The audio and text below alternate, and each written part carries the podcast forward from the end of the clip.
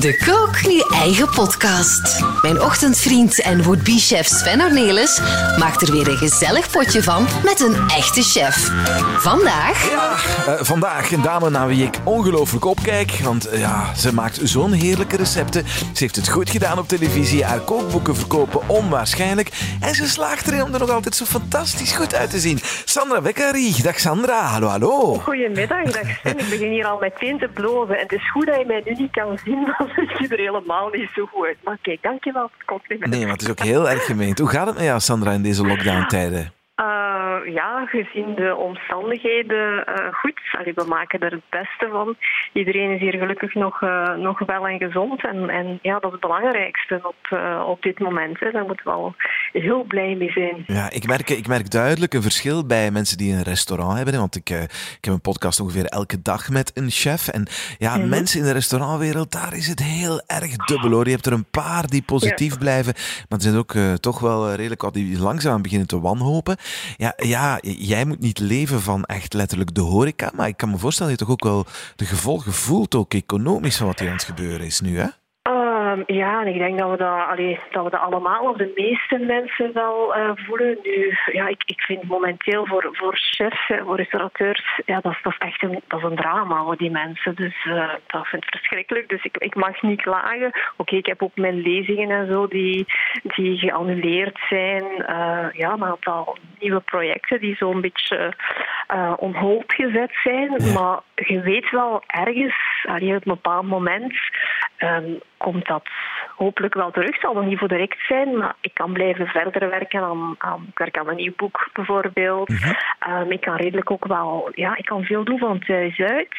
En allee, ça va wel. Ik bedoel, probeer niet te veel na te denken. Als we beginnen, dan ja, normaal ging ik nu dit doen en normaal ging ik... Ja, niks is nog normaal. En daar al zie je dat eigenlijk niks zeker is hè, met plannen. En ik weet nog met, met het nieuwe jaar, dat zoals wat 2020, eh, heel veel plannen. En dan zie je van, ja, eigenlijk moeten we mindful leven. Nu is een zekerheid en al de rest is ja, niemand weet wat het morgen is. En ik denk dat dit toch wel ja, het grootste bewijs is. Ja, dit hebben we eigenlijk in ons leven nog nooit meegemaakt, zoiets. Nee, hè? dat is zot. Ik, ik vind het nog altijd onwezenlijk. Ik kan soms ochtends wakker worden en zo ja, je kent dat zo het eerste wat door je hoofd flitst. Zo van, hè, is dit nu echt? Heb ik dit, was dit gewoon een, een heel slechte droom? En zo iedere keer, ja, die confrontatie van, het is helaas pure realiteit. En, en dat blijft onwezenlijk. Ja, we belden vorige week in onze ochtendshow met, een, uh, met iemand die heel veel van dromen weet. En, en heel ja. veel mensen hebben blijkbaar tegenwoordig het gevoel van, heb, en dat, dat heb je nog wel eens in het leven, maar heb ik dat nu gedroomd of is Klopt. dat echt? En dat heeft echt letterlijk te maken met het feit dat we toch allemaal zeer ongerust rondlopen, dus zo diep niet slapen en die dingen aan het verwarren zijn van, is dit, ja, nu, is dit nu echt of is dit niet, niet echt aan het gebeuren? Ja, nee, het is, het is echt zot. Hè. Zeer dus, raar, uh, ja. ja. ja. Zullen we het toch even over die lezing hebben, want dat is iets wat jij echt heel vaak doet. Hè? Je, je brengt die, ja. jouw, jouw, jouw blijde boodschap, ik zal het zo, zo maar zeggen, graag in het land. Hè? Dat doe je ondertussen al een tijdje. Vertel eens, hoe, hoe zit dat concept eigenlijk in elkaar, Sandra? Ja, ik doe dat eigenlijk al, oh, ik denk, 15, 20 jaar ondertussen. En in het begin was dat zo ja, voor 10 mensen. En dan voor, voor 20, 30. En dan werden die groepen zo altijd maar groter. En eigenlijk is dat dan altijd wat ik het liefste doe, omdat je daar, ja, je ontmoet de mensen. En ik vind dat contact zo, ik vind dat wel, wel heel belangrijk. En je krijgt ook heel direct de respons. En op tijden kunnen mensen vragen stellen, maar achteraf signeren gaan normaal ook altijd boeken.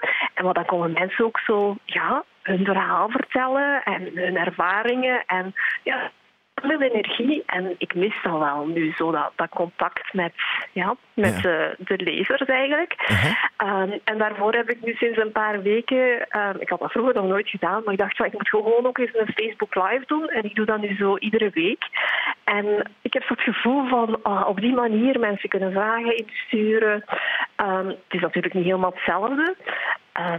Het is niet live, hè? Allee, het is wel live, maar niet zeker live. live. ja, voilà, zeker live. Ja, ja, ja. Het, het... Um, ja, maar we weten ook niet, want uiteindelijk die, die planningen die liggen altijd, dat ligt al lang op voorhand uh, vast.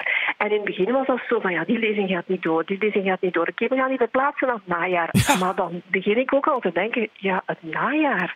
Uh, we weten allemaal, zolang er geen vaccin is, ja, dat zal waarschijnlijk ja, ook niet lukken. En dan denk ik ook al eens van, oh ja, en de boekenbeurs bijvoorbeeld. Oei, zoveel mensen. Oh ja, ja, ja. Ja, mm, ja dat, dat, dus ja. Maar, maar in goede tijden, hè? want, als, want de, de lezingen waarover gaan, die, die jij nu ondertussen, dat je 10, 15 jaar brengt, ik ben er nooit naar eentje geweest, gaat het over, wacht, ik kan nu echt iets heel stouts zeggen, want hij gaat dan zeggen, natuurlijk gaat het daar niet over Sven, maar gaat het over diëten, hoe verlies je veel kilo's in korte tijd? Nee, net niet.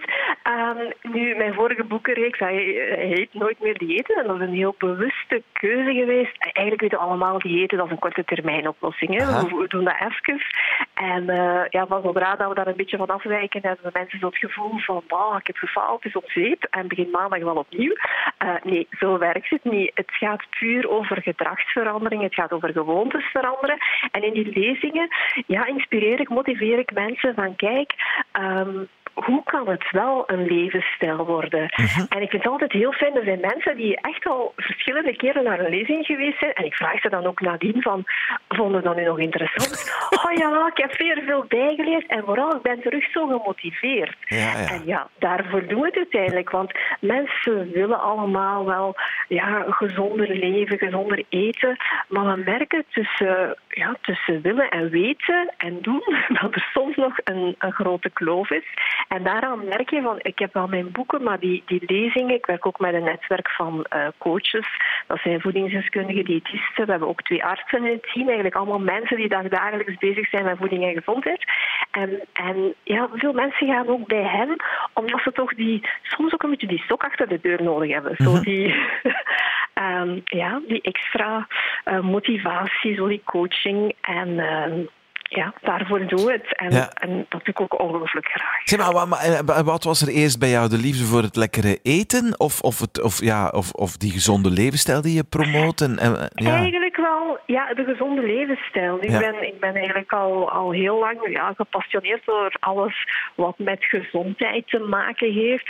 Uh, ik heb als, als uh, jong meisje uh, veel gesport. Ik heb atletiek gedaan op competitieniveau. En daaruit is die interesse ook wel gegroeid. Eerst voor beweging en dan later ook wel voor, voor voeding. En dan in het begin was dat nog redelijk theoretisch allemaal, maar dan weet je ook van, oké, ja, je weet wel van hè, hoe ziet een gezond eetpatroon eruit, maar je moet daar ook wel lekkere recepten gaan aankoppelen. Mm Want uh, gezond, ja, maar als het niet lekker is of als mensen niet meer genieten, dan gaan ze, dan gaan ze ook afhaken. En zo is dat eigenlijk allemaal gegroeid. Maar ben je rond dat koken autodidact? Heb je het zelf allemaal uh, bijeen gesprokkeld of door te experimenteren? Of is het nee, ik heb ook wel een beetje een, een, combinatie van nu op vlak van, allez, van theorie. Ik heb een aantal uh, opleidingen gevolgd rond voeding en gezondheid. Op vlak van koken ben ik eigenlijk wel een, een autodidact in de zin van... Ik heb als kind wel altijd... Ik hielp wel mee in de keuken. Ik heb altijd wel, wel graag gekookt. Maar zo het, het beginnen, ja, het experimenteren. En wat mij altijd heel erg geboeid heeft, is, is zo van, um, en eigenlijk nog steeds, van ja, wat eten mensen graag? Wat zijn zo uh, voeding? Dat is, ja, dat is meer dan eten alleen. Hè. Dat is ook zo geborgenheid, dat is ook zo het, het oude vertrouwde. Hè. Dat, dat, geeft ook een goed gevoel. En zo die, die klassiekers, hè, wat, dat de mensen, meeste mensen zoals hè, ondertussen de hesperolletjes zijn al oh. heel bekend. En wat, wat eten mensen graag? En hoe kan ik daar nu met, ja, met mijn theorie een, een lekkere en toch gezondere versie, vooral een groenterijkere uh, versie van maken. En uh, ja, dat is experimenteren en soms valt dat ook wel eens tegen. maar die, die gerechten halen dan natuurlijk de, de boeken niet. Um, maar dat vind ik nog altijd heel fijn. En ook thuis bijvoorbeeld, dan vraag ik ook eens aan de kinderen van ah, was, waar hebben jullie echt zin in? Of wat zouden we nog eens willen eten? Of dat ze zelf zeggen van oh zeg mama, kunnen jullie een gezonde versie maken?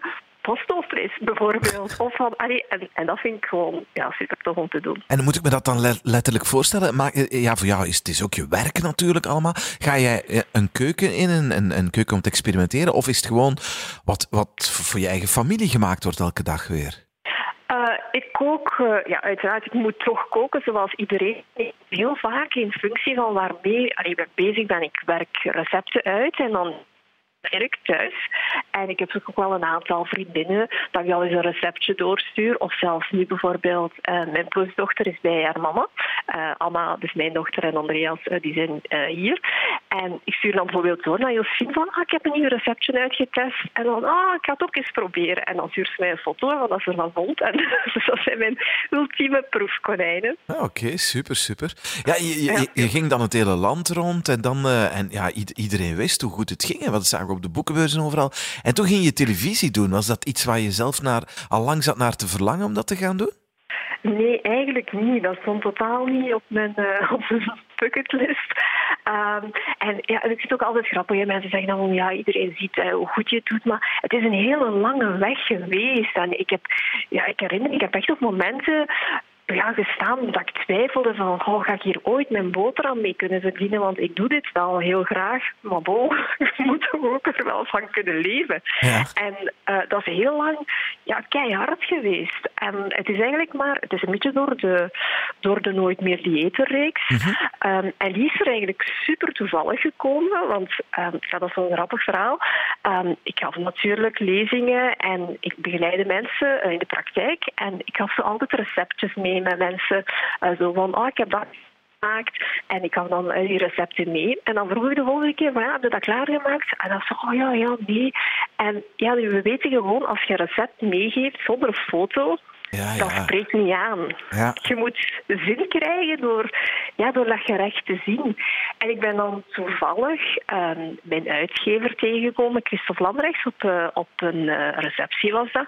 En toevallig aan de praat geraakt, hè, van, ja, ik vertelde wat ik deed. En ik zei van, ja, ik zeg, ik twijfel eigenlijk, ik heb heel wat goede recepten uh, liggen. En Oh, ik heb er misschien, ik denk er misschien aan om daar een boek uh, van te maken. En dan zei Christophe van, wow, we moeten eens praten. En ik had eigenlijk totaal geen verwachtingen in de zin van, ik had een paar, paar jaar ervoor al uh, twee boeken uitgebracht, maar niemand kende die. Ik was ook totaal uh, onbekend. Dat was toen wel samen met chefs, maar dan allee, wel met, over de SAMA-methode. Ja. En toen dacht ik van, oh ja, er zijn al zoveel boeken. Um, en ja, uiteindelijk weten we allemaal, hè, dan denken we van, ja, al die bekende bekende Vlamingen die een boek uitbrengen. Uh, totaal onbekend. Ja, goh, moet ik dat nog wel doen? Want je steekt daar toch wel veel tijd en energie in. En ja, ik heb dat dan toch gedaan. En, en nu, ik heb er al hard voor gewerkt, heel vaak gaan signeren, heel veel lezingen gegeven. En dat boek kwam op een bepaald moment in de boeken tot zien. En dat was zo van, hé, wat? Wauw.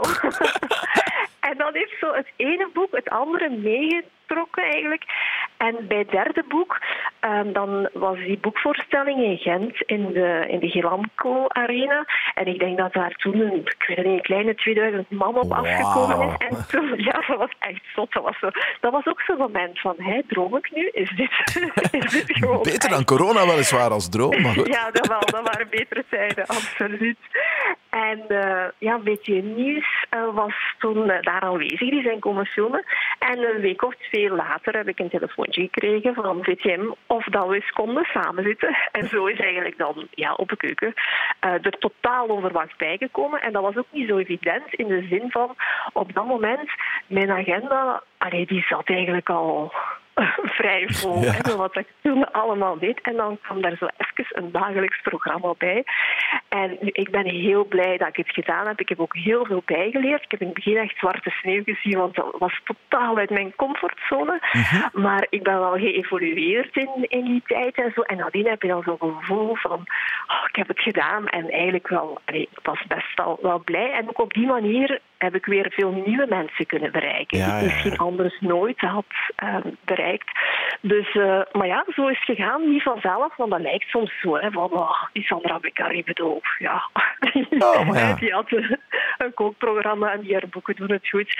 Maar ja, de weg er naartoe is wel heel lang geweest en evident. Ja, er, zijn, er zijn niet zo ongelooflijk veel, veel Piet Huizentruids en Jeroen Meuzen die, die heel lang op televisie zitten. Mis je het eigenlijk? Nee. Want het heeft, het heeft een seizoen of twee seizoenen geduurd. Mis je het? Uh, ja, ik heb twee jaar gedaan.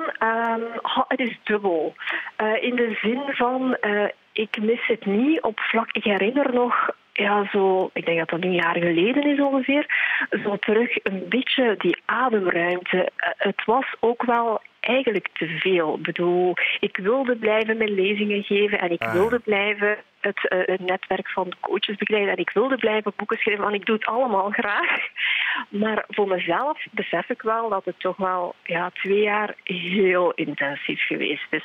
Dus op dat vlak mis ik het niet. Um, ik vind wel uh, ja, het tv maken op zich, ook het feit, uh, ik had een hele toffe ploeg en zo, dat mis ik vooral. Ja. Maar um, ja, misschien, we zien wel. Ik, ik zou graag nog eens iets doen voor tv, maar geen dagelijks programma meer. Ja, ja, ja. Dat is zo, Ja, zo ja, ja. niet meer. Want het gaat zo snel. Ik bedoel, een dagelijks programma, dat is, dat is zot. Ik heb dat echt wel onderschat. Ehm, je denkt zo van, wauw, we hebben wat voorsprong.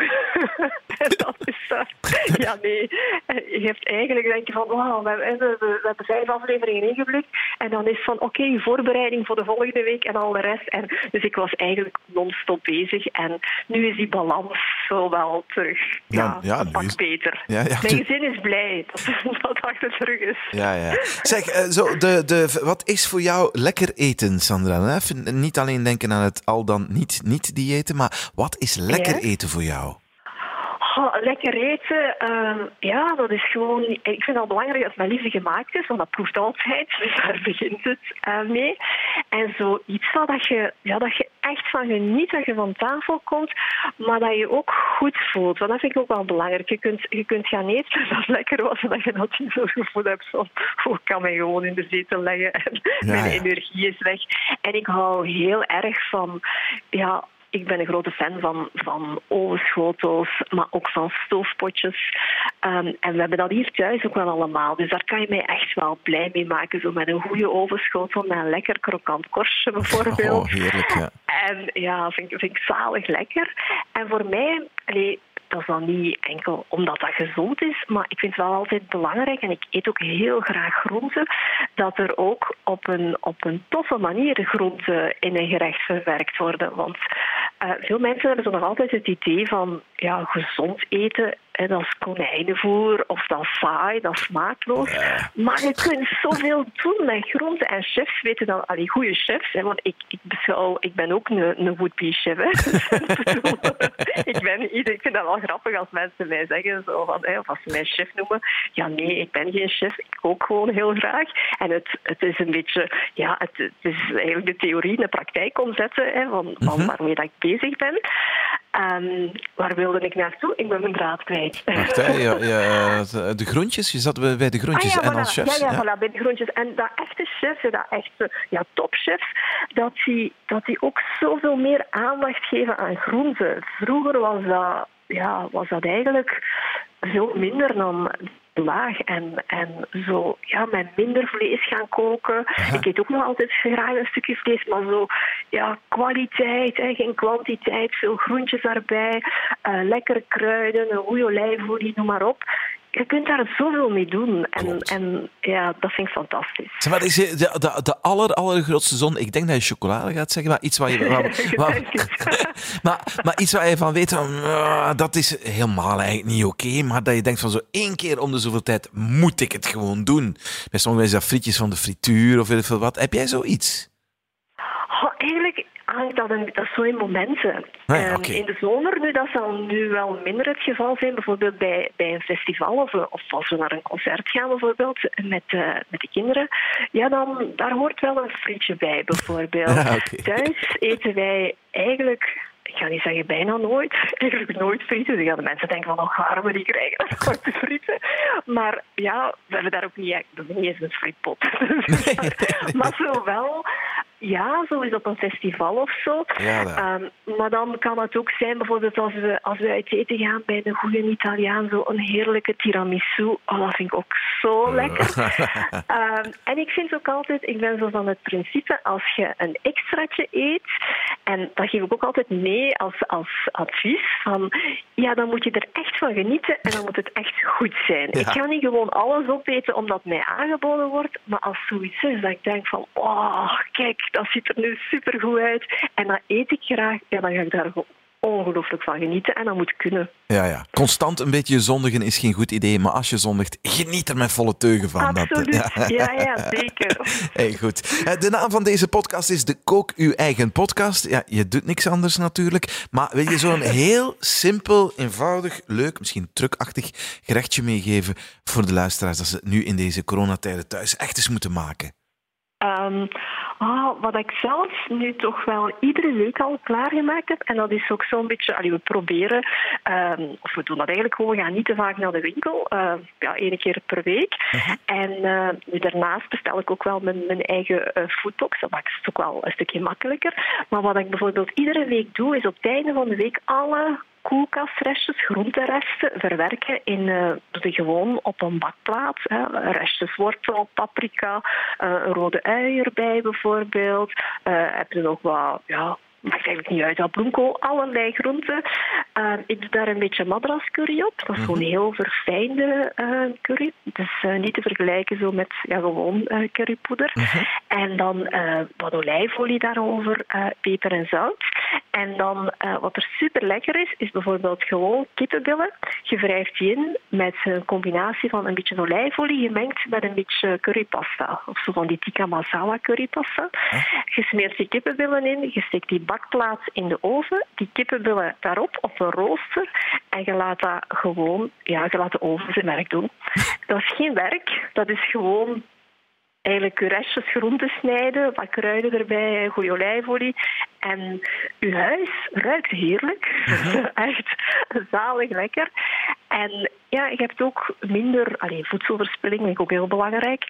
Um, want vaak hebben we dan toch weer nog een stuk paprika op, of liggen of, ja, ja. of, een restje van, van een of andere groente of een paar wortelen. En je gooit die daarbij. En dat is iets wat ik zelf ja, toch wel één keer per week maak, bijvoorbeeld. Klinkt fantastisch. Een soort, soort van ja, stoofgerecht in de oven eigenlijk, hè? met, met voilà, alle restjes ja, en ja, heerlijke, alle aroma's. En terwijl kan je iets anders doen. Ja. Dat vind ik ook altijd leuk. Want hoe lang steek je het in de oven? dan- Wat, wat is je temperatuur en hoe lang? Kippenbillen uh, gewoon toch wel op 180 graden, 40, 45 minuten. Nu, als je er zachte groenten bij doet, dan moet je zo even ja, je bakplaat terug uithalen en ja, die er dan wel later uh, bij doen. Maar Ja. toch een, een 40-tal minuten op 180 graden. Ja, en als die groentjes een beetje zacht zijn, zo, dat is ook helemaal niet erg eigenlijk. Hè? Nee, dat is, uiteindelijk is ook smaak. Stel dat je daar nu nog een paar tomaatjes, zo van die kersttomaatjes bij doet, ja, dat is ook maar op laatste doen, dan anders heb je gewoon heb je moes. Maar de meeste groenten kunnen daar gewoon, allee, zeker de harde groenten, meteen bij. Heerlijk. Sanne, dankjewel. Hou je goed in deze tijd. Ik hoop dat je snel weer Dankjewel. lezingen kan doen. maar ondertussen kunnen we inderdaad op je Facebook Live eh, je, je volgen. Sandra, dankjewel. Voilà. Heel fijn. Dankjewel. Goeiedag, bye bye. Bekijk het recept van deze Kook in uw eigen podcast op ootbichef.be. Beluister ook onze andere podcasts via joe.be.